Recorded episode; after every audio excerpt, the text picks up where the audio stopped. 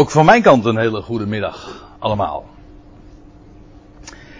En goed om elkaar hier weer eens te treffen. En vanmiddag gaan we ons inderdaad, zoals Lub zojuist al eventjes aandroeg, het hebben over de eerste Korinthebrief. Althans, dat is de brief waar we voornamelijk bij stil zullen gaan staan. Daar zijn deze beide begrippen, vleeselijk en geestelijk, ook aan ontleend. Aan 1 Korinthe 3. En ik moest me zojuist al even verantwoorden over dat plaatje erbij.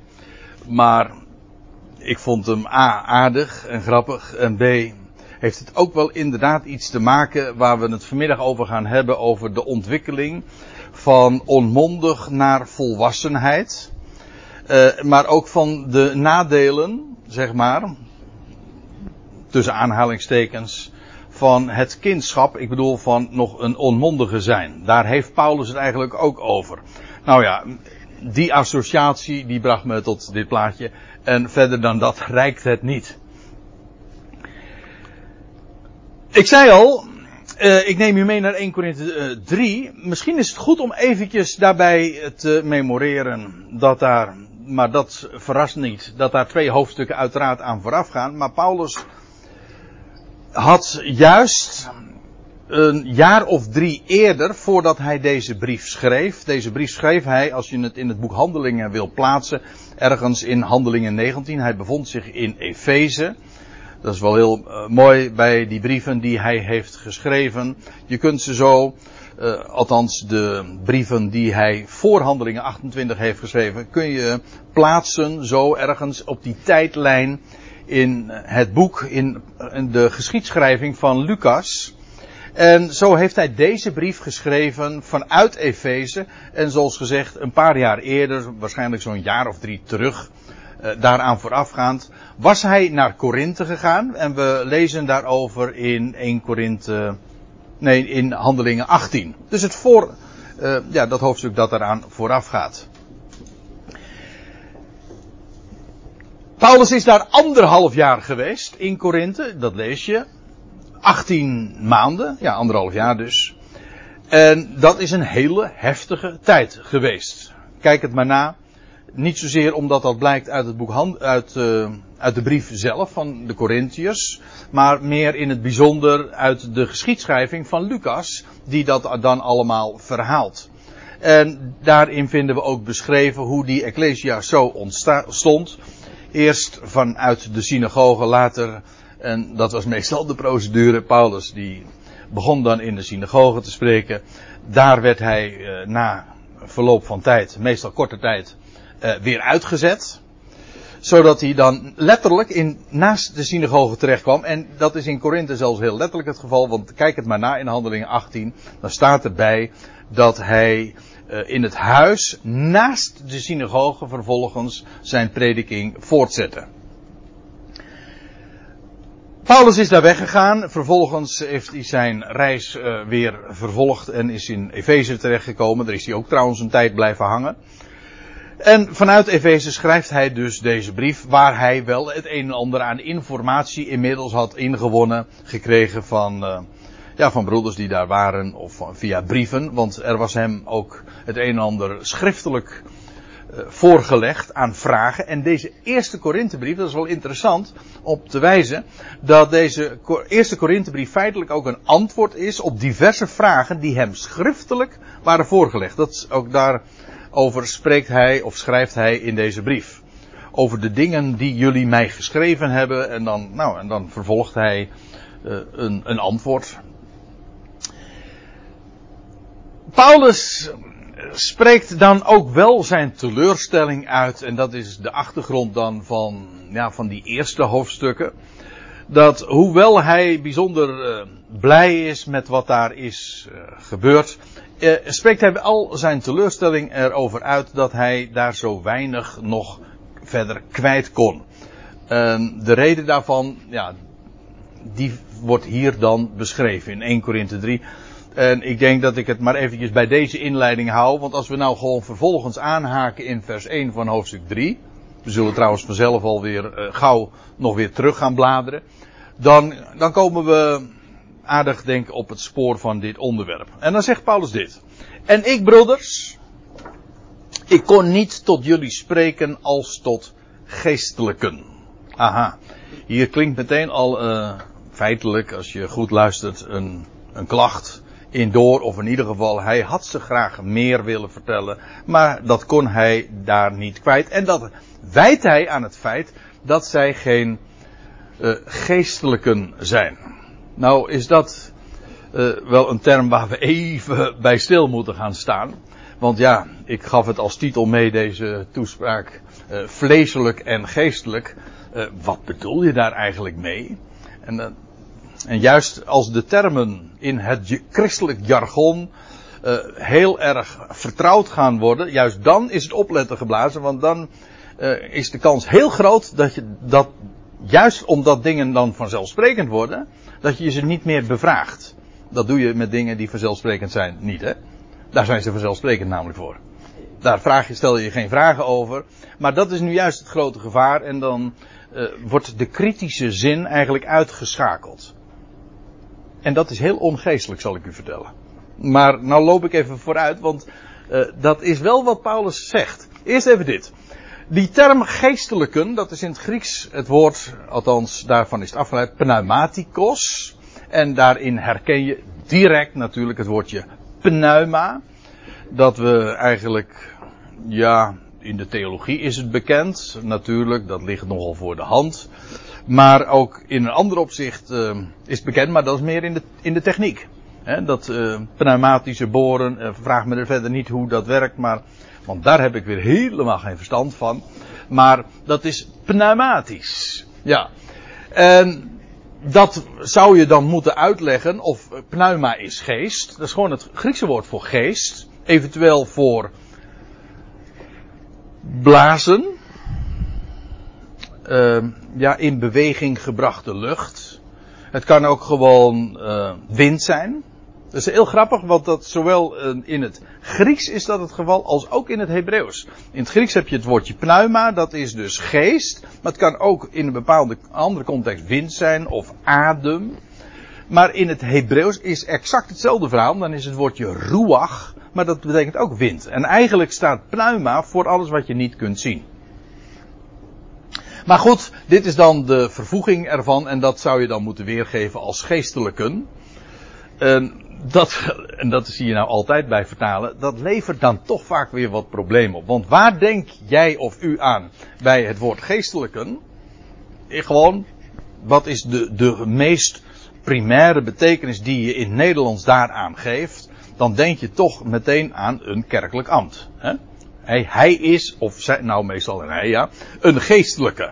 Hè? Namelijk die hij bekleedt, een geestelijk ambt. Trouwens, dat kan dan ook iemand zijn die... Eh, in een andere godsdienst. Maar dat heet dan allemaal een geestelijke. En als je dat denkt, ja, dan heb je dus meteen al uh, een verkeerde afslag genomen, want ja, dan, dan ben je de, de draad kwijt. Maar dat, daar is het ook niet de, daar is het ook dus niet uh, van, dat is niet, laat ik het goed zeggen, dat is niet de associatie. Het betekent gewoon, het is een, een aanduiding van mensen die door geest beheerst worden. Dat zijn geestelijken. Je zou het ook nog kunnen noemen geestigen. Daar heb ik eerlijk gezegd wat meer mee dan geestelijken. Het klinkt in ieder geval geestiger, ja. En trouwens, ja, dat heb je altijd sowieso met dat woordje lijk in het Nederlands. Uh, dat wekt al niet zulke geestige associaties natuurlijk. Uh, maar even los daarvan, want dat is, dat is alleen maar eventjes een Nederlands taal eigen. Maar geestigen. En terwijl je nou, natuurlijk dat kan wegwuiven en zeggen van nou dat heeft er niks mee te maken. Wil ik er toch graag even op wijzen. Dat als het erop aankomt dat het woordje geestigen helemaal geen gekke weergave zou zijn van dat pneumaticos. Met die verstanden alleen dat het niet alleen per se de gedachte heeft dat dat dus humoristisch is. Hoewel het is waar dat geest te maken heeft met, uh, ja, inderdaad, met lachen en met geestigheid en met humor. Dat is wel degelijk het geval. Het maakt ook blij. En dat is ook weer de power van geest. Dus zo gek is die associatie niet. Maar in beide gevallen zou het je toch op een verkeerd spoor kunnen zetten. En dus moeten we het gewoon maar in het Nederlands doen met het woordje geestelijken. Ik, ik, uh, met die verstanden dat je wel weet waar het over gaat. Het is nog goed om iets anders aan te geven. Want de betekenis van een woord blijkt heel dikwijls uit de tegenstelling. Ik geef uh, een paar avonden in de week geef ik uh, lessen Nederlands aan buitenlanders. En een vast onderdeel van het lesprogramma, tenminste zoals ik dat dan altijd opzet, is uh, het, het, de rubriek antoniemen heet dat. En dat zijn tegenstellingen. En dan, dan zeg ik, dan zet ik op het bord, of ook via de PowerPoint doe ik dat altijd, uh, winter. En dan moet men uh, vervolgens de antoniem daarvan noemen, zomer. Lente, herfst. Ja, nee. Weet je wel, die tegenstellingen. Een woord leer je namelijk heel goed kennen en de betekenis rijkwijde wordt afgebakend juist door die antoniem. Het is, uh, de betekenis van het een wordt afgegrensd bij de betekenis van het andere. Dus, en dat is hier ook het geval. Je hebt pneumatikos en dat staat tegenover psychikos. En het grappige is, het geestige, is dat we ook dat woord kennen. Namelijk, pneuma staat tegenover psyche. En ja, het is een merkwaardig ding in de Nederlandse, nou niet alleen de Nederlandse, maar ook in onze Nederlandse taal. Want wij, hebben dat allemaal op één hoop gegooid, ziel en geest. Ook dat is, noem het grappig, maar uh, je hebt uh, geestelijke problemen en je gaat naar de psycholoog dus je hebt geestelijke problemen en je gaat naar de zielkundige. Want een psycholoog betekent een zielkundige. Maar even, uh, afgezien daarvan, ik moet er uh, nog bij zeggen, het woord van God is een tweesnijdend scherp zwaard. En van dat zwaard lees je in Hebreeën 4 vers 12 dat het van één scheidt. Wij gooien het op, op één hoop, maar het woord van God maakt scheiding. En daar staat erbij, kijk het maar na, tussen ziel en geest. Wij zeggen het is ongeveer hetzelfde. En de Bijbel is, het woord van God is zo scherp, het scheidt van één. Het onderscheidt ziel en geest. Nou, als er één voorbeeld is van een Bijbelboek of van een geschrift wat waarin dat gedemonstreerd wordt, dan is het wel de Korinthebrief. Maar ik moet erbij meteen zeggen dat onze vertalingen ons daar niet bepaald in behulpzaam zijn om dat te onderkennen. En dus, ja, uh, beschouw ik het als mijn plicht om u erop te wijzen. Kijk, dat woordje pneumatikos is geestelijken, of zo u wilt geestigen. En dat psychikos, dat is zielzen. Ja, dan kun je, ook daarvan kun je weer zeggen, ja, wat is dat psychikos? Ziel, ik zeg zielzen. Je zou natuurlijk ook kunnen zeggen, als pneumaticos geestelijken is, dan zou je zeggen, dan zijn, dat psychikos, dan zijn, dat zijn dat zieligen. Maar zieligen heeft in onze taal net weer even een andere klank. Zie je hoe, eh, hoe complex het met taal kan zijn? Daarom zeg ik gewoon zielzen.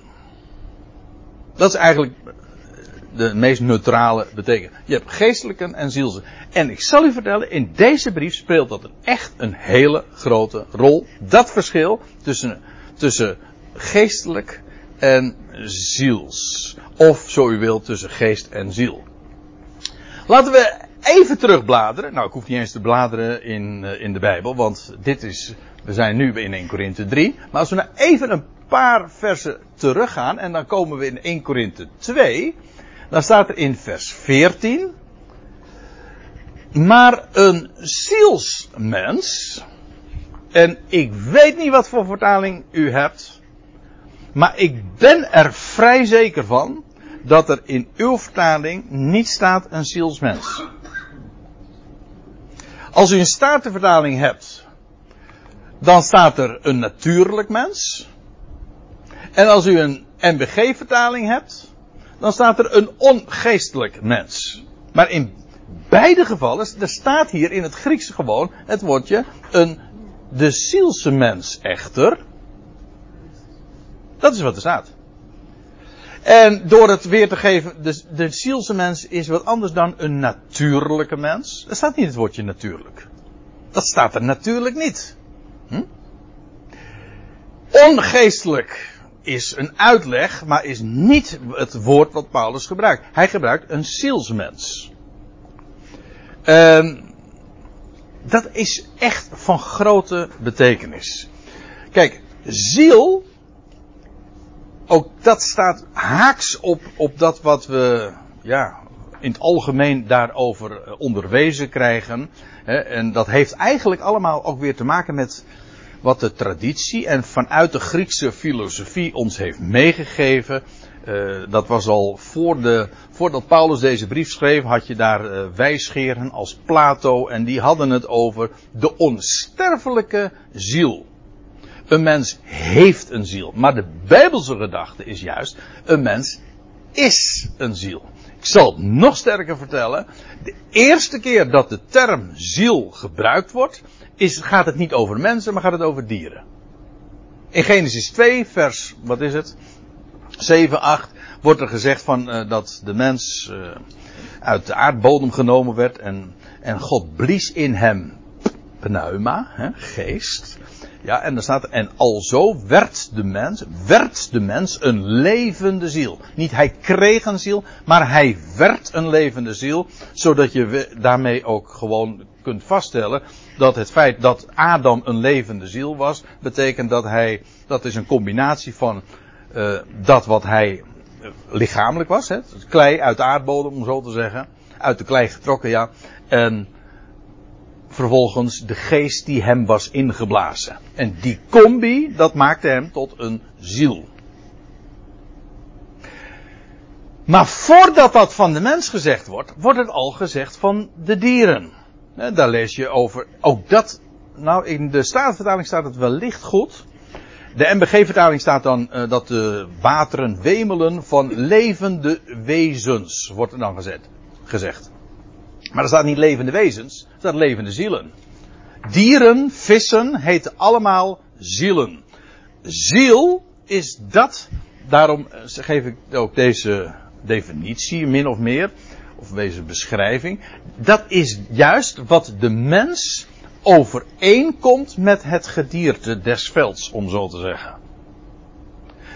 Wij, dieren en mensen, ze zijn allemaal zielen. In tegenstelling trouwens tot, uh, tot planten. Planten zijn geen zielen. Dat heeft er ook mee te maken dat de ziel van al wat leeft, staat er, dat staat in Leviticus, de ziel van al wat leeft is in het bloed. Dat is, dat is wat de mens ook gemeen heeft met het gedierte. Het heeft ook alles te maken met de, het vermogen, en dat komt ook weer dicht bij de betekenis die wij daaraan toekennen van ziel, namelijk van de sensaties hè, die je hebt, de emoties. Dat is psyche. Uh, levende zielen, sensaties en emoties. Dat, heeft, dat hebben dieren, dat hebben mensen. Daar is dus niks mis mee. Helemaal niets. Integendeel, God heeft dat zo gemaakt. Maar het zielse is niet, het, uh, het verschil is dus niet, de mens is een ziel en het dier niet. Absoluut niet. De schrift zegt, op vele plaatsen, ik heb er nu niet eens moeite voor genomen om dat te laten zien, maar ik zou u een hele lijst kunnen geven. Ook dieren zijn zielen. Mensen ook. Maar dat is wat mens en dier dus gemeen he hebben. Een zielsmens staat er dan bij. Ja, oh, oh, nog even iets voordat ik het vergeet. Uh, als het gaat over het verschil tussen ziel en, en geest. Later in dezezelfde brief gaat, dan komen we inmiddels in 1 Korinthe 15 aan, dat is bijna het eind van de brief. Daar lees je dat Paulus een verschil maakt.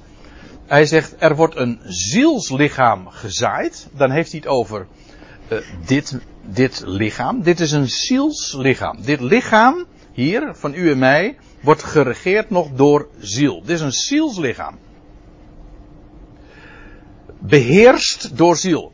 Maar dat wordt vervolgens weer, als het sterft, aan de aarde toevertrouwd. Het wordt een zielslichaam gezaaid. Maar er wordt een geestelijk, een pneumatisch lichaam opgewekt. Niet beheerst door ziel, door bloed, maar door geest. Daar het opwekkingslichaam, het opstandingslichaam, heeft dus geen bloed. Daar ben ik erg zeker van.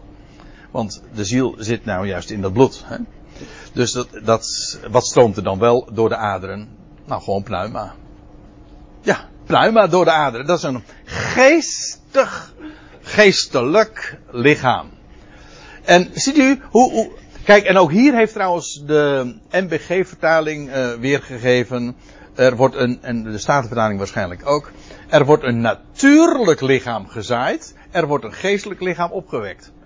Maar dat is nou jammer, want daarmee wordt meteen het verschil dat Paulus maakt tussen ziel en geest, wordt weggeredeneerd of wegvertaald. En ik weet, vertalen kan soms lastig zijn en daar weet ik eh, alles van. Maar dit is echt zo'n, uh, ja. Uh, hier wordt een heel belangrijk spits van de, het onderwijs van Paulus wordt eigenlijk bot gemaakt en wordt daarmee eigenlijk verdwijnt. Het verschil tussen ziel en geest dat het woord van God uitdrukkelijk maakt. Dit is ziels. Het opstandingslichaam is een geestelijk lichaam. Een pneumatisch lichaam. Nou, ook nu zijn. Nou, uh, weer even terug naar 1 Corinthië 2. Een zielslichaam dat die ontvangt niet de dingen van de geest van God. Dat is wat Paulus gewoon vaststelt. Dat is logisch. Een zielslichaam, een lichaam dat beheerst wordt door de sensaties en door dat wat de zintuigen je, de zintuigen je ingeven. Dat wat je ziet met name en voelt. Dat is ziels. Is er iets mis mee? Nee, maar dat is ziels. Dat is psychisch, om zo te zeggen. Dat is eigenlijk het woord wat Paulus dus gebruikt. En die ontvangt niet de dingen van de geest van God. Nee, de geest heeft namelijk alles weer te maken. Niet met wat je ziet en wat je voelt, maar met wat je hoort. Want het woord van God komt tot ons. Woord kun je ook niet zien, hè? Woord is geest ook. Woord komt tot je. En dat is van de geest van God. En daarover schrijft Paulus ook. Uh, de dingen van de geest van God ja, dat, zijn, dat is eigenlijk precies dat wat, we, wat tot ons komt in de schriften. Dat is geest. Spreekt ook over dingen die nog gaan komen. We zeggen, hoe staat het in Hebreeën 11, vers 1? Geloof nu is de zekerheid of de vaste grond der dingen die men niet ziet. Of, zo u wilt, nog niet ziet, omdat ze te maken hebben met verwachting, dat wat nog gaat komen. Maar iemand die ziels is, helemaal afgaat op wat hij voelt en wat hij ziet, ja, die, die heeft daar geen ja, zintuig voor. Daar moet je oren voor hebben. Want geloof werkt via het gehoor. Niet via het zicht. Ook niet via gevoel. Dus, ja. Nou, Paulus heeft het in de, deze hoofdstukken daarover. Maar hoezeer de zielse mens, ook de godsdienstige mens, zo afgaat op wat je ziet. Ook de sfeer, weet je wel, in, nou ja, in tempels, in kerken, kathedralen en daar, weet je wel, dan moet je wier ook ruiken en daar zie je het altaar en dan zie je kleuren, imposante gebouwen. Eh, ik bedoel alleen maar dit te zeggen. Dat spreekt de ogen aan. En ook de sfeer, de gevoel. Maar geloof heeft niet te maken met wat je ziet en wat je voelt maar met wat je hoort. Over zaken die je niet kunt zien en die, die je kunt weten. En dan komt het uh, nou lees ik nog even verder. Uh, de, een zielsmens ontvangt niet de dingen van de geest van God, want het is een dwaasheid. Hij haalt zijn schouders erover op, hij snapt het niet, hij vindt het bizar, absurd, kan hij niet begrijpen. Want het spreekt hem domweg niet aan. Ja, leuk hè, het spreekt hem niet aan. Nee, want daar moet je namelijk oren voor hebben. En, en hij kan het niet kennen, omdat het op een geestelijke wijze wordt beoordeeld. Ja. Geestelijk. En als je dan nog, dit is vers 14, als je dan doorleest, de geestelijke mens echter beoordeelt alle dingen. Kijk, dit is nou mooi. Want de pneumatische mens. Niet de psychische mens, maar de pneumatische mens. Die beoordeelt alle dingen. En hier staat in het Grieks een woord anakrino. Dat krino heeft alles te maken met, met oordelen. Crisis. Uh, um, nou ja, in ieder geval, maar anakrino is het beoordelen. En daar, is een, daar vinden we een heel mooi voorbeeld van. Die wil ik u heel graag meegeven. Want dat woordje anakrino, wat hier dus vertaald wordt met beoordelen. Dat komen we ook tegen in Handelingen 17, vers 11. En dat is, die, dat is een schriftplaats dat gaat over mensen in Berea. Dat was, lag naast Thessalonica. En daar lees je dit. Het is een bekend vers. Tenminste, ik hoop dat het bekend is. Daar staat er. Maar deze, in Berea namelijk, waren edeler dan degene in Thessalonica. In Thessalonica waren ze ook wel edel, maar in Berea edeler. Je hebt, dat is de overtreffende trap. Hoezo? Nou, er staat achter, daar zij het woord ontvingen, met alle bereidwilligheid. Dus eerst hoorden ze dat gewoon aan, oké, kom maar. Ik bedoel, het woord was het woord wat Paulus mocht spreken daar. En er staat erbij, en dagelijks nagingen in de schriften of deze dingen zo waren. En ik heb hier het woordje nagingen uh, uh, even vet gedrukt. Waarom? Omdat dat namelijk precies hetzelfde woord is als, als hier. Beoordelen, nagaan. Het heeft te maken met een kritische denkzin. De geestelijke mens, wij denken, en dat is ook het verhaal wat ons religieus altijd maar weer op de mouw gespeld wordt. Namelijk dat de geestelijke mens die voelt, en dat is dan ongeveer ook het hoogste. Een geestelijke ervaring is een ervaring waarbij je gaat zwijmelen en er zijn sectoren in, of zeg, hoe zeg je dat? Er zijn richtingen binnen het christendom waar men dat, uh, uh, waar men uh, al het woord geest dat is ongeveer synoniem met dat je in extase geraakt en dat je gaat zwijmelen en dat je in hogere sferen komt. Maar het, heeft, het is geen geest, dat is ziels. Vaak ook door een bepaalde sfeer van muziek, een bepaalde ritmes of een bepaalde uh, manier van musiceren, waardoor mensen in de moed komen en meegenomen worden uh, door lichteffecten. Nou ja, noem maar op. Ik bedoel, dat zijn allemaal van die bekende effecten. Als je daar een beetje verstand van hebt, dan weet je precies hoe je een mens ergens krijgen kunt. Maar met, dat is allemaal psychisch. En ik bedoel het niet zo negatief als dat het er misschien nu uitkomt. Maar ik zeg alleen, dat is wat psychisch is. Gewoon, dat heeft te maken met dat, met, met de ogen en vooral ook de emoties die het losmaakt, oproept. De sensaties. Terwijl geest, pneuma, heeft alles te maken met de, het vermogen om dingen te beoordelen. Om dingen na te gaan. Die Thessalonikers, nee pardon, die Bereërs, die waren pneumatisch. Hoezo? Zwijmelden ze? Nee, ze, waren, ze gingen na. Pneumatische mensen, we weten, we hebben nu inmiddels afgesproken wat dat betekent dus in dit onder ons uh, gezegd. Normaal gesproken straks, of morgen bij de, aan de koffietafel in de kantine moet je niet zeggen van, uh, moet je niet oh, zulke termen gaan ophangen natuurlijk. Maar inmiddels weten we wat dat betekent. Een pneumatisch mens die wil weten hoe het zit. Die gaat dingen na. Die beoordeelt de dingen. Die wil weten wat waar is. Niet of het goed voelt, maar of het klopt. Of het waar is. De aanspraak dat een, een pneumatisch mens wil weten. Niet om, niet om overladen te worden met data, maar gewoon omdat hij geïnteresseerd is in waarheid. En nou, ik heb geen bijbeltje bij me. Ja, moet geef je bijbelstudie, dan heb je je bijbeltje niet bij me. Maar uh, er staat in, uh, ik weet het denk ik uit mijn hoofd wel, er staat er van op, nou, misschien mag ik toch even mijn Bijbel. Want ik ben bang dat ik het anders weer verkeerd geciteer. En we willen weten natuurlijk hoe het waar is. Hoe waar het is, hè? Dankjewel. Even kijken of het hier in dit Bijbeltje ook staat, uh, Lup. Oh ja, dan moet ik wel in uh, 1 Korinthe kijken en niet 2 Korinthe. In 1 Korinthe 2.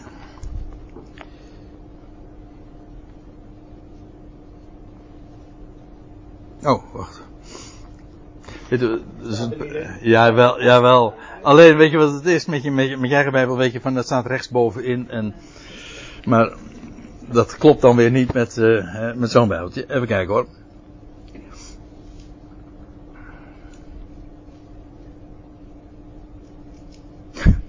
Uh, nou, wacht even. Lees ik er. Ja, het is vers 12 van 1 Korinthe 2. Dus dat is nog weer net even daaraan voorafgaand. Dan staat er, zo weet ook niemand wat in God is dan de geest Gods. Wij nu hebben niet de geest van de wereld ontvangen, maar de geest uit God. En er staat erbij, opdat we zouden weten wat ons door God in genade geschonken is. Kijk, daar heb je het. Opdat we zouden weten. En hoe weet je nou dingen? Wel doordat je dingen ook controleert. Het wordt verteld, ja, er wordt zoveel verteld. Maar een geestelijk mens onderscheidt zich nu juist daarin dat hij de dingen nagaat. Juist te midden van leugen is het zo belangrijk. We weten het allemaal, hè. Er is zoveel duisternis, zoveel fake news. En dat is niet sinds Trump, dat is al sinds uh, de slang met zijn gespleten tong, zeg maar, het hier voor het zeggen heeft. Maar bovendien, je wil weten hoe het zit. Waar staat dat? En ja, dat is wat die mensen in Berea dus uh, gunstig, nog gunstiger onderscheiden van hen die in Thessalonica. Zij waren geestelijk, want ze beoordeelden de dingen. Ze gingen de dingen na. Dat is pneumatisch. Dat is geestelijk. Heeft alles te maken met weten. Betekent dat dus dat het, uh, de psyche of zo wordt weggeredeneerd of dat uh, gevoel geen betekenis heeft. Nee, maar het is ondergeschikt daaraan. Het gaat om de plaats die het heeft. Ik kom daar straks uh, denk nog even op terug. Eerst even dit. Want eigenlijk was dit nog even een uitstapje weer naar 1 Korinthe 2. We lezen uh, we lazen dus 1 Korinthe 3. En ik broeders, ik kon niet tot jullie spreken als tot geestelijken. Nou, dat heb ik nu even duidelijk gemaakt. Uh, geestelijken staat tegenover zielsen. Maar, zegt hij hier, als tot vleeselijken. hey, we zagen eerder al, geestelijken is de tegenstelling van zielsen. En hier hebben we er nog eentje bij. De tegenstelling van geestelijk is vleeselijk. Dus, uh, dat betekent ziels en vleeselijk licht zijn begrippen die parallel aan elkaar lopen. En eigenlijk ook wel vrij logisch, uh, want vleeselijk, uh, dat klinkt een beetje alsof ik een uh, Chinees spraakgebrek heb natuurlijk. Vleeselijk, ja. Een splaakgeblek. Nee, want het, klinkt, het vleeselijk klinkt als vreselijk. En in dit verband klopt dat wel natuurlijk. Want dat vleeselijke is ook uh, inderdaad uh, vaak uh, vreselijk, ja. Maar goed, even los daarvan. Vleeselijk wil gewoon zeggen, ja, het is een vervoeging van, van, van vlees. Nou, dat is wat we zien. Een mens is ziels, dat wil zeggen, wordt geleid door de sensaties. zoals een dier, hè, door het instinct doordat het die ziet en door de gevoelens en dergelijke. Dat ziels. Vleeselijk wil zeggen, legt meer de nadruk op het materiaal waarvan het gemaakt is. Dit is allemaal vlees, eventueel uh, vlees en beenderen, maar gewoon het totaal. Dit is het menselijk lichaam. Het menselijk vlees. En niet meer dan dat.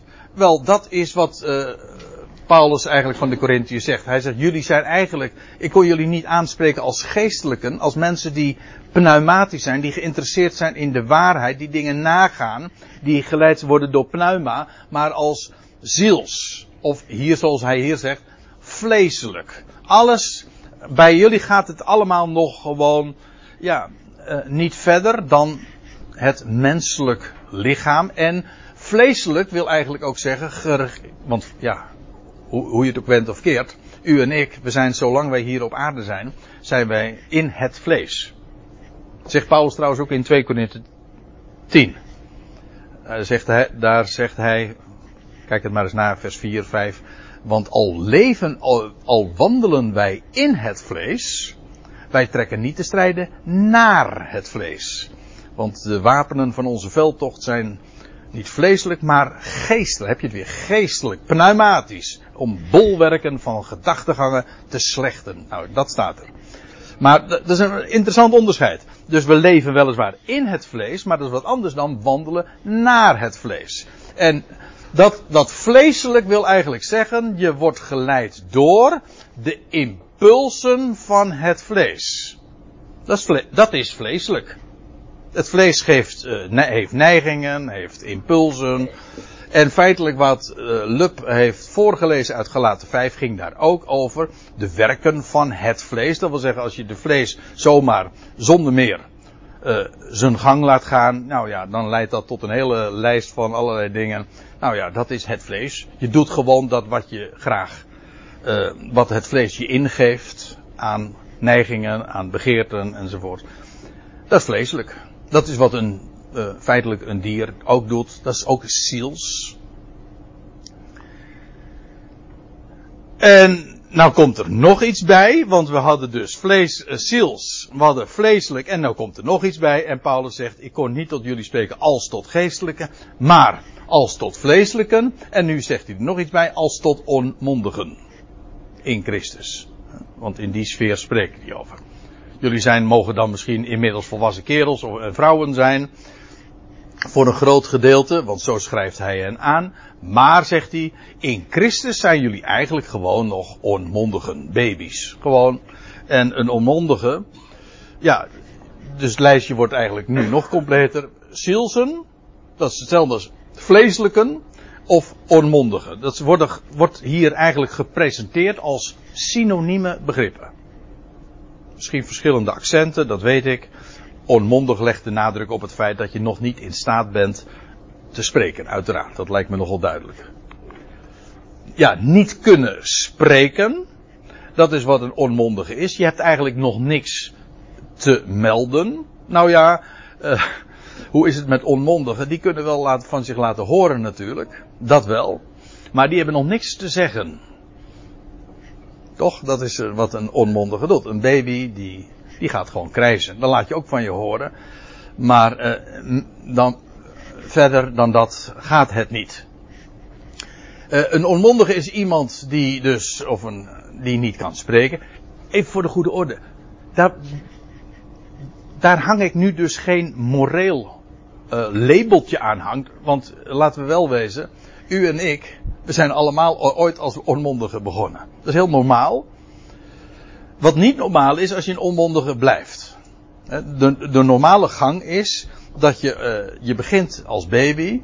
Ja, en dan kun je eigenlijk nog maar twee dingen en dat is huilen en bevuilen. Toch? Het rijmt wel, maar dat is het. En maar je kan, nog, je kan nog niks spreken. Maar de bedoeling is dat je, dat je opgroeit in de normale ontwikkelingsgang. En dat is in geestelijk opzicht ook zo.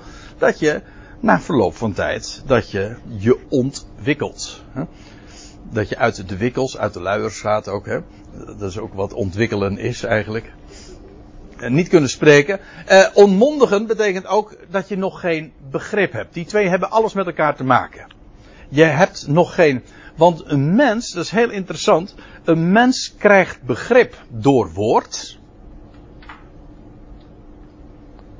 Door woord, als je nooit taal zou leren, dan kun je nooit onderscheiden. Je leert de dingen onderscheiden doordat je ze ook gaat labelen.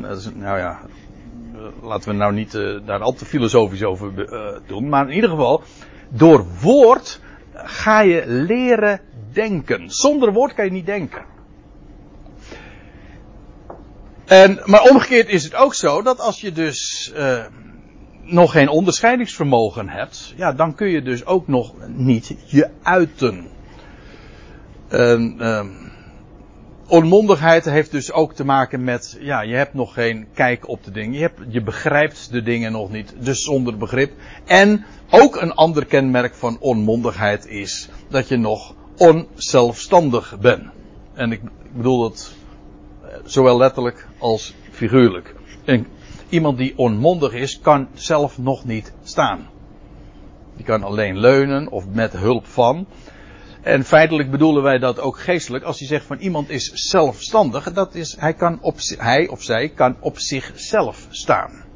Dat is ook, dat is volwassenheid. Dat je niet meer een ander nodig hebt om te staan, maar dat je zelf kunt staan.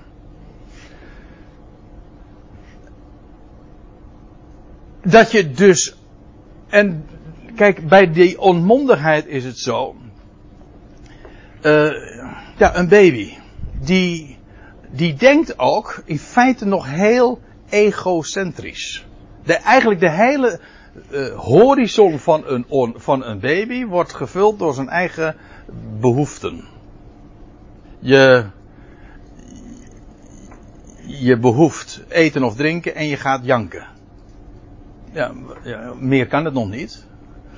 En ik bedoel, alles draait ook nog om. Uh, ik, ik, ben een onmondige, eh, laten we even voorstellen. Je bent een onmondige. En alles draait feitelijk nog om, om de behoeften van het kind.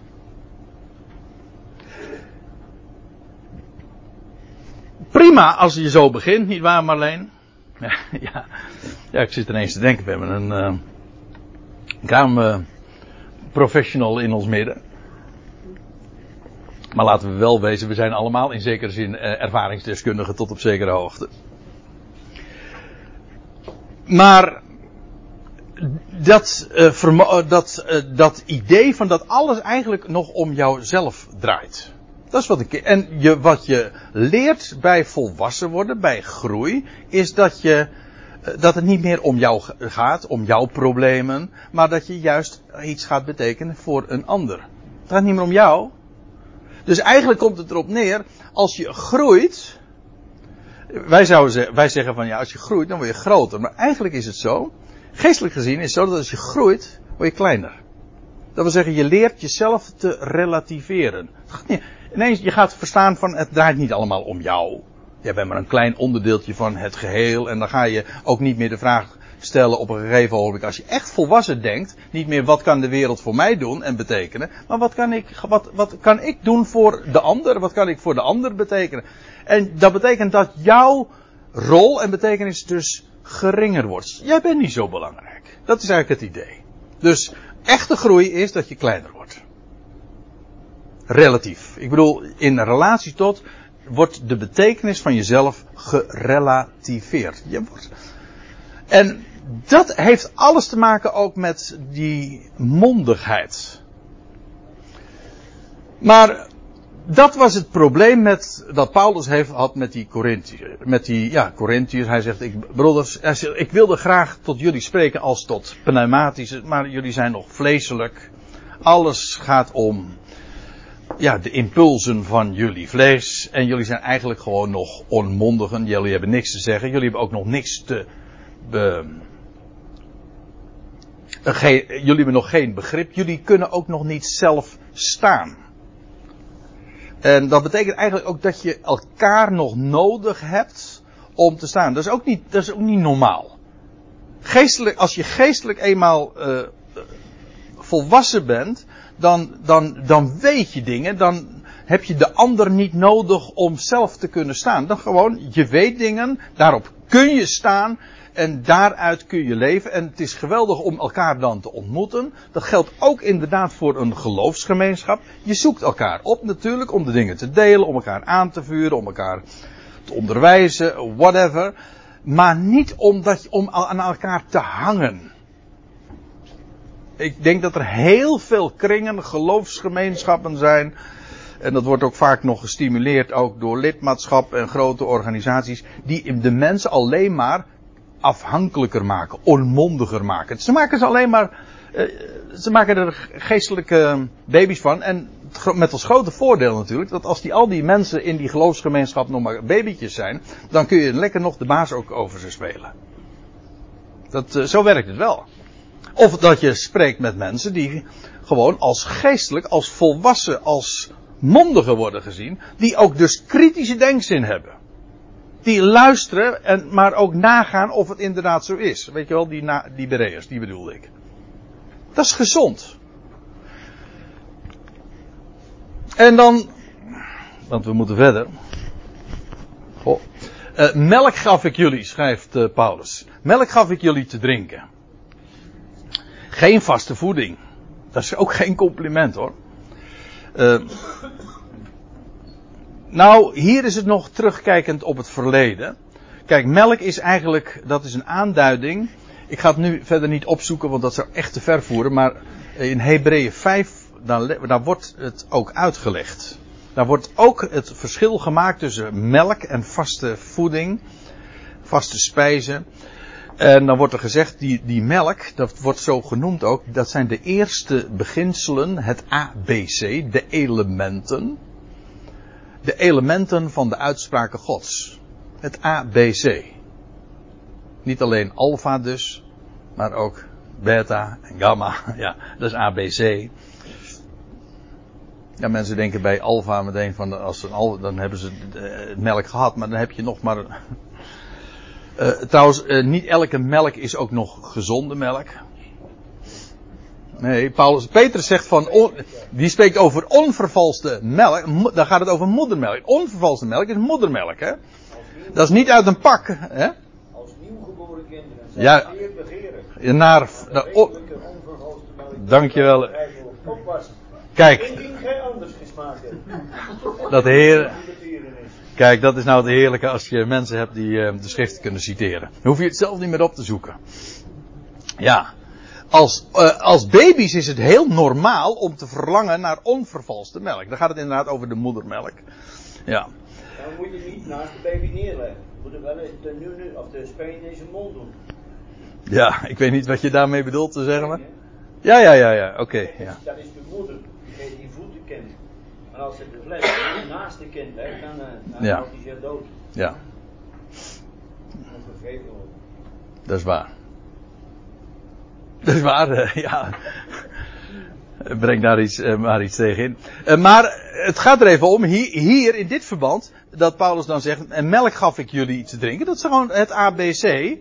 Maar hij zegt vaste voeding nog niet. Geen vaste voeding, want dat vermochten jullie nog niet. Tot de tijd.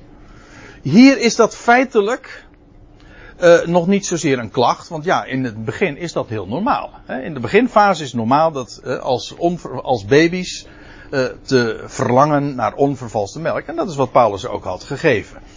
Dus hier is dat feitelijk nog niet zozeer een klacht als hij zegt van melk gaf ik jullie te drinken, geen vaste voeding. Ja, waarom? Jullie vermochten dat nog niet. Jullie konden dat nog niet verdragen. Jullie waren daar nog niet aan toe. Vaste voeding, kijk, Eigenlijk is het wel vrij logisch. Ook hier is, is ook weer zo'n leuke antoniem. Je hebt dus uh, ziels en geestelijk. Je hebt melk en je hebt vaste voeding. Ja. Uh, maar als melk nou de eerste, de eerste beginselen zijn van de uitspraken gods, wat zou dan vaste voeding zijn? Dat is gewoon vervolg. Als, als melk nou het, eerste is, het ABC, nou dan is vaste voeding, dat kun je eigenlijk gewoon zelf dan invullen, dan is dat het vervolg wat vrij logisch is. Melk, dat krijg je trouwens ook zo binnen, daar hoef je niet op te kauwen. Daar heb je nog geen tandjes voor nodig, ondanks dat er melktanden bestaan natuurlijk. Maar goed, uh, dat drink je. Vaste voeding, daar moet je op kouwen. Dat, daar heeft, dat heeft trouwens ook weer de gedachte in zich van, ja, die, dat moet verwerkt worden. Dat moet klein gemaakt worden. Hè, en daar moet over nagedacht worden. Dat is niet hap, slik, weg. Nee, dat moet doordacht, overdacht worden, nagegaan worden. Kijk, dat is eigenlijk ook wat vaste voeding is. Vaste voeding heeft te maken met dingen uh, nagaan, moeten onderzoeken. Dat is een mooi woord trouwens onderzoeken. Je moet onder de oppervlakte dan ook zoeken, nagaan. Het heeft ook alles te maken, ik, ik aarzel om dat aan te stippen, maar vaste voeding heeft ook alles te maken met het onderwijs dat verborgen ligt in het Oude Testament. Ik kan dat ook aantonen, juist in de Hebreeënbrief, waar ik naar uh, verwees zojuist naar Hebreeën 5, daar wordt ook gezegd dat uh, daar, daar, daar is de schrijver, ik denk dat dat ook Paulus is geweest, maar die zegt dan tegen de Hebreeën van ja, melk, uh, daar zitten jullie nog steeds aan, hoewel jullie naar de tijd gerekend al lang leraar zouden moeten zijn. Maar nou, hij wilde zo graag veel dingen over Melchizedek vertellen. Dat gaat hij trouwens ook doen. In hele Hebreeën 7 gaat erover. En wat doet hij dan? Dan laat hij zien wat daar allemaal verborgen ligt in die figuur van Melchizedek. In zijn naam, in de plaats waar hij zich bevond. In de tijd waarin hij opereerde. Wat hij precies deed, et cetera, et cetera. Daar zit zoveel in. Maar het is allemaal verborgen. Verborgen onderwijs. En waar je op moet kouwen dus dat niet hapslik weg is. Nee, dat moet verwerkt worden. Dat is vaste voeding. En Paulus zegt eh, van die, tegen die Corinthiërs, of dat schrijft hij hier. Hij zegt, ik heb jullie ooit melk gegeven. Hij zegt, ja, vaste spijs. Ik had het jullie wel willen geven, maar dat vermochten jullie nog niet. En die vaste spijs, daar spreekt hij trouwens ook over in 1 Korinthe 2. Nou blader ik weer even terug. Dan zegt hij dit. Toch spreken wij wijsheid onder de volwassenen. hey, er waren dus daar onder de Corinthiërs waren er wel mensen die rijp waren, zo staat het in de NBG-vertaling ook. Mensen die volwassen waren, inmiddels wel mondig, maar door de bank genomen kon hij het er niet kwijt. Hij zegt, toch spreken wij wijsheid onder de volwassenen. Geen wijsheid echter van deze aion. Dat wat in deze aion voor wijsheid en filosofie door mag gaan. Nog van de overste van deze aion die te niet gedaan worden. Maar, zegt hij, wij spreken Gods wijsheid in verborgenheid die verhuld is. Dus Gods wijsheid in verborgenheid. Dus Gods wijsheid is verborgen, is verhuld. En dat brengt ons weer bij, ja, die, de uitspraken Gods waarin zoveel verborgen ligt. Dat is ook wat wij dan typologie dan noemen. Maar eigenlijk is dat verborgen wijsheid Gods. Maar dan moet je. Dat is wat Paulus zo graag wilde eh, vertellen allemaal. Ja, het is één ding om dat te willen vertellen als, het, als je gehoor, leuk hè, als je gehoor daar niet rijp voor is, omdat ze nog helemaal afgaan op, je, op, het, op zicht en op voelen, ja, dan zit je eigenlijk op verschillende golflengtes. Dan communiceer je iets wat niet aankomt. Dan kun je erover spreken, maar dan spreek je over de hoofden heen. Het wordt niet ontvangen. En dan, ja, dat is nog geen communicatie. Dus dat is vaak een hele zoektocht. En bovendien, dat zie je hier dus ook, wat Paulus zegt van, uh, sommigen wel. In Korinthe waren er mensen die daar wel uh, inderdaad een, een antenne voor hadden, die dat wel konden verdragen. Maar door de bank genomen was dat niet het geval. Hoe dan ook, je hebt dus melk, het ABC van het woord Gods. En je hebt de vaste spijs, dat zijn de dingen die in de schriften allemaal verborgen liggen. Dat is het echte voedsel. Wat ook echt, ja, als honing zo zoet is, maar ook wat kracht geeft. Dat is echt krachtvoer. Hè? Daar moet je op kouwen, maar wauw, wat een kracht geeft dat. Wat een, hoe maakt dat een mens ook sterk? Kijk, dat is de bedoeling. Het is niet de bedoeling dat je. Het is prima als je bestaan begint met moedermelk. En daar kun je in, in no time heel erg mee groeien. Maar het is niet de bedoeling dat je na verloop van een paar jaar nog steeds aan die melk zit. Daar moet je een keer van af. En dan wordt het tijd voor vaste voeding. Dat is eigenlijk wat Paulus hier zegt. En nu begint, dat is dan feitelijk de, de klacht tussen de regels door. Hij zegt, maar zelfs nu vermogen jullie dat nog niet. En nou zegt hij van, nou zou het zo langzamerhand toch wel tijd daarvoor worden. Hè? Want, zegt hij, jullie zijn nog vleeselijk. Nog steeds zitten jullie eh, op die toer van het vlees. Van het zien en het voelen in plaats van georiënteerd op het gehoor. Op de dingen die je niet kunt zien. De dingen die er echt toe doen. Want u weet het, de mens ziet aan wat voor ogen is, maar God ziet aan de binnenkant. Dat waar het echt om gaat. En u weet allemaal, het gaat niet om de buitenkant. Ja, iedereen roept dat wel. Maar het gaat om de binnenkant. Om wat erin zit. Dus niet alleen bij vruchten zo, maar dat is ook bij een mens zo. Als je een mens wil leren kennen, dan moet je niet kijken hoe die eruit ziet, of zo. Je, ja, dat wat een mens is, dat wordt bepaald door wat hij overweegt, wat hij denkt. Zijn motieven. Kortom, dat is wat een mens echt is. Waar je tegenaan kijkt, dat is de buitenkant. En ijdel, dat wil zeggen, het zegt niet zoveel. Het is uh, een mooie buitenkant wil, staat niet garant voor een mooie binnenkant. Omgekeerd ook niet. En bovendien, het is heel vergankelijk. Zo heb je het, zo ben je het weer kwijt. Ik bedoel, het gaat om het echte. En bovendien, de uiterlijke mens, dat is trouwens ook de Korinthebrief, maar dan 2 Korinthe 4. De uiterlijke mens is in verval, maar de innerlijke, kijk eens de binnenkant. Dan heb je het weer met het woord wat erin zit. Dat wordt vernieuwd. Ik vind het ook zo mooi over die, uh, dus over typologie gesproken, heb je aardevaten, kruiken. Maar die kruiken die moeten, ja, die gaan heel vaak stuk. En dat is vaak ook de bedoeling. Maar die kruiken die moeten gevuld worden. Dat is waar het om gaat. Een kruik dient alleen maar ertoe dat, het, dat, dat je er iets in kan doen. Olie bijvoorbeeld, of water, en dan wordt het wijn. Of fakkels doe je erin. Ik heb er laatst nog eens een hele studie over gegeven. Mooi hoor. Maar ik bedoel maar dit te zeggen, het gaat om wat erin zit. En wat erin gaat. Dat is wat bepalend is. En de buitenkant, ach, uh, als je een mooi kruikje hebt, dat is nooit, nooit weg natuurlijk. Maar, uh, ach, daar gaat het niet om. Want, zegt eh, Paulus dan, waar er onder jullie uh, jaloezie en ruzie is, want dat was er, zijn jullie dan niet vleeselijk? Het loutere feit dat men zo jaloers was op elkaar en onderlinge ruzies, dat geeft aan dat men nog helemaal georiënteerd was op het vlees.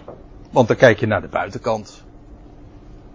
Men, daar is waar mensen ook altijd over struikelen. Dat is eigenlijk het minst interessant. Het feit dat mensen zich daar dan zo druk over maken. Uh, en waardoor dan ook conflicten ontstaan. Ja, dat demonstreert dus gewoon dat men nog op het vlees georiënteerd is. En ja, eh, Paulus zegt er nog bij. Oh, dat moet ik trouwens ook nog even bij zeggen.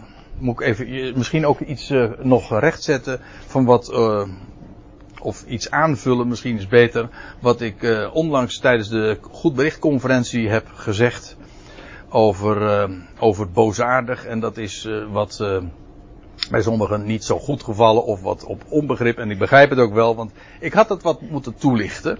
Dat ging toen over een citaat uit 1 Korinthe 5 en 6. En dat Paulus ook dat lijstje dan geeft van over dat, nou ja, wat zojuist werd voorgelezen door, uh, door Lub. Daar gaat het maar niet zomaar over zonden. Daar gaat het over boosaardig gedrag. Hè? Dat is in eh, hoofdstuk 5 vers 10 noemt hij dan, spreekt hij over hoereerders, oplichters, uh, afgodendienaars, uitschelders, dronkaards, rovers. Dat is maar niet zomaar uh, menselijke zwakheden. Dat is gewoon richt, niks anders dan wandelen als een goddeloze. Dat is van een, eigenlijk van een heel andere orde.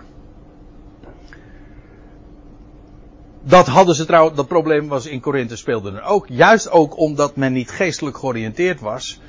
dat men, ja, dat, betekent, dat was ook omdat woorden van menselijke wijsheid daar nog zo'n grote rol speelden. En daardoor deed het woord niet echt zijn werk daar in hun midden.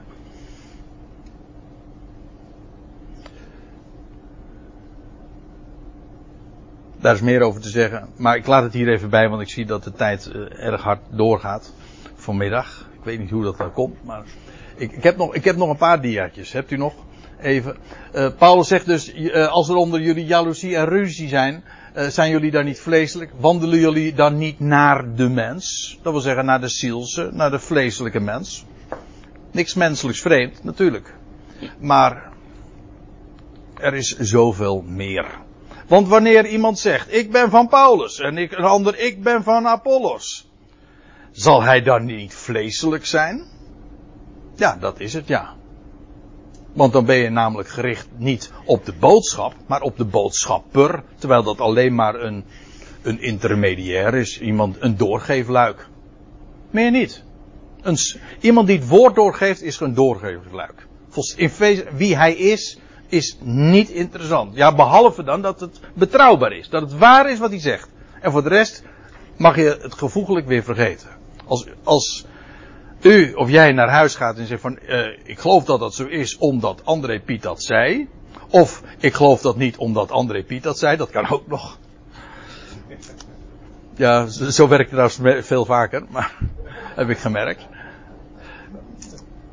Maar in beide gevallen eh, heb je het domweg niet begrepen. Want het is volstrekt oninteressant wat een uh, figuur die zo heet zegt.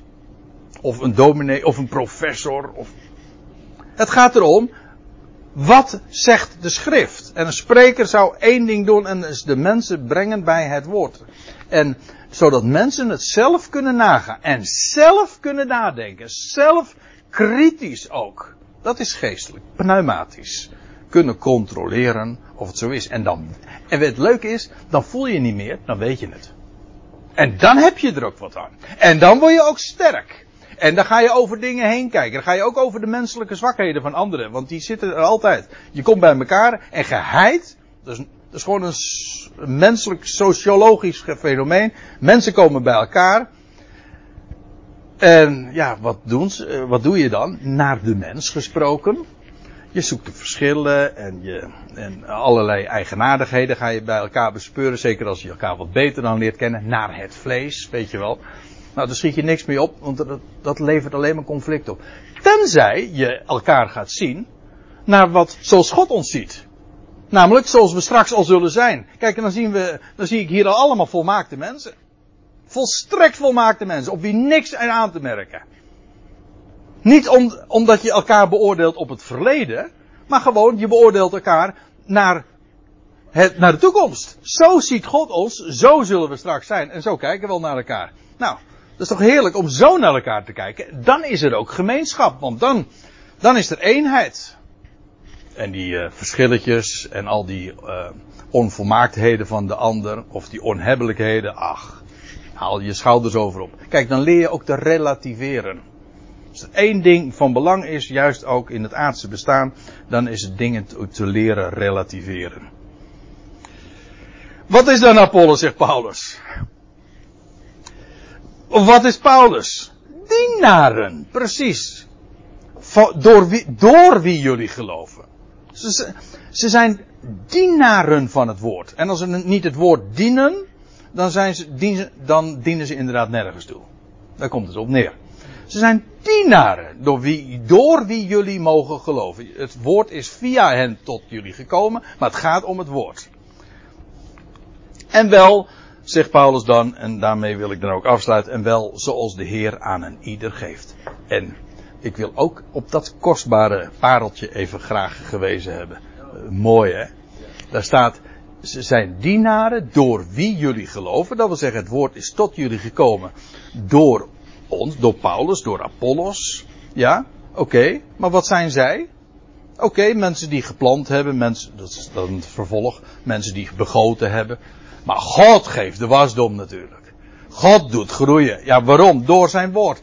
Maar wie geeft nou eigenlijk geloof? Nou, hier staat het. Dienaren door wie jullie geloven en wel zoals de Heer aan een ieder geeft. Wat? Geloof. De Heer geeft geloof. De Heer overtuigt. De Heer spreekt zijn woord. Daar gebruikt hij mensen voor, instrumenten voor, tot je dienst. Maar meer dan instrumenten zijn het ook niet. Aan hem de eer. En hij geeft ook geloof. Hij werkt ook geloof. En dat is nou het heerlijke, de ruimte waarin God ons zet. Het woord klinkt. Laat het maar gewoon klinken. En het woord doet altijd zijn werk. In alle kracht. En dan is hij het ook die harten wint en overtuigt op zijn tijd, op zijn wijze. Ja, en wat is de mens dan? Nou, Paulus zegt, wie roemt? Die roem in de Heer. Alle roem is uitgesloten. Zullen we daarbij laten voor vanmiddag?